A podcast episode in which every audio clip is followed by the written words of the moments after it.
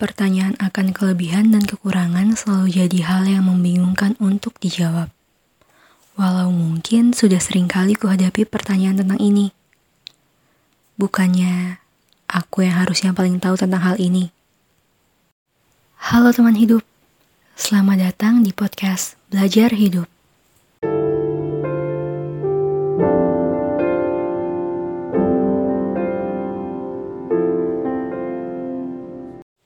Kalau ditanya siapakah kamu, pasti kamu akan menjawabnya dengan namamu. Kemudian diikuti dengan status dan juga kesifatmu. Respon yang seperti ini wajar kok untuk hadir, karena begitulah dirimu mengenalmu selama kehidupan ini. Nah, dalam psikologi hal ini disebut sebagai self-concept atau konsep diri. Sekarang, apa sih konsep diri itu? Konsep diri adalah bagaimana kamu memiliki pemahaman akan dirimu, baik dalam fisik, emosi, sosial, spiritual, dan aspek lainnya yang membuat dirimu menjadi kamu. Seperti yang sudah dibahas di podcast sebelumnya, kamu di hari ini adalah wujud akan perjalanan dalam hidupmu selama ini.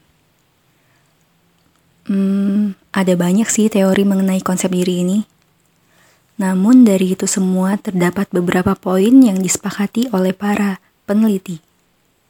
Yaitu konsep diri adalah bagaimana kita melihat diri kita dari berbagai aspek. Lalu konsep diri ini merupakan hal yang dipelajari dan tidak melekat.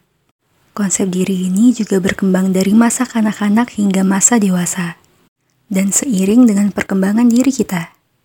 Terus juga, konsep diri ini mungkin saja tidak selalu sama dengan kenyataan yang kita hadapi selama ini.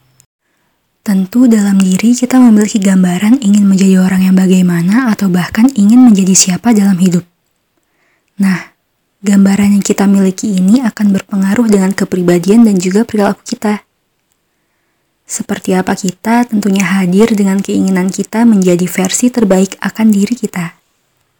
Sekarang gimana sih konsep diri ini bisa berkembang untuk menjadi versi terbaik dari diri kita? Tentunya hal ini nggak berkembang dengan kita yang hanya duduk dan berdiam diri aja kan?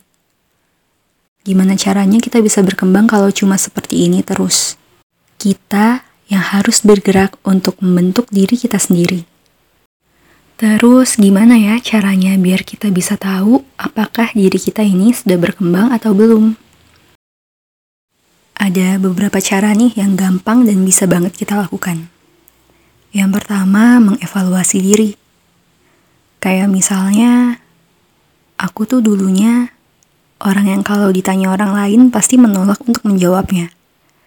Tapi aku yang sekarang berani untuk menjawab semua pertanyaan dari mereka.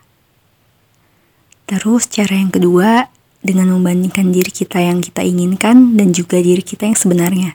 Misalnya, aku tuh punya role model dan dia itu idol A. Aku pengen banget kayak si idol ini yang gak mudah menyerah. Tapi, aku aja sekarang masih dikit-dikit ngeluh terus. Dari sini, pastikan muncul pertanyaan gimana ya caranya biar aku bisa kayak idol A. Nah, ini berlanjut ke cara yang ketiga, yaitu dengan melakukan aksi agar semakin dekat dengan diri yang kita inginkan.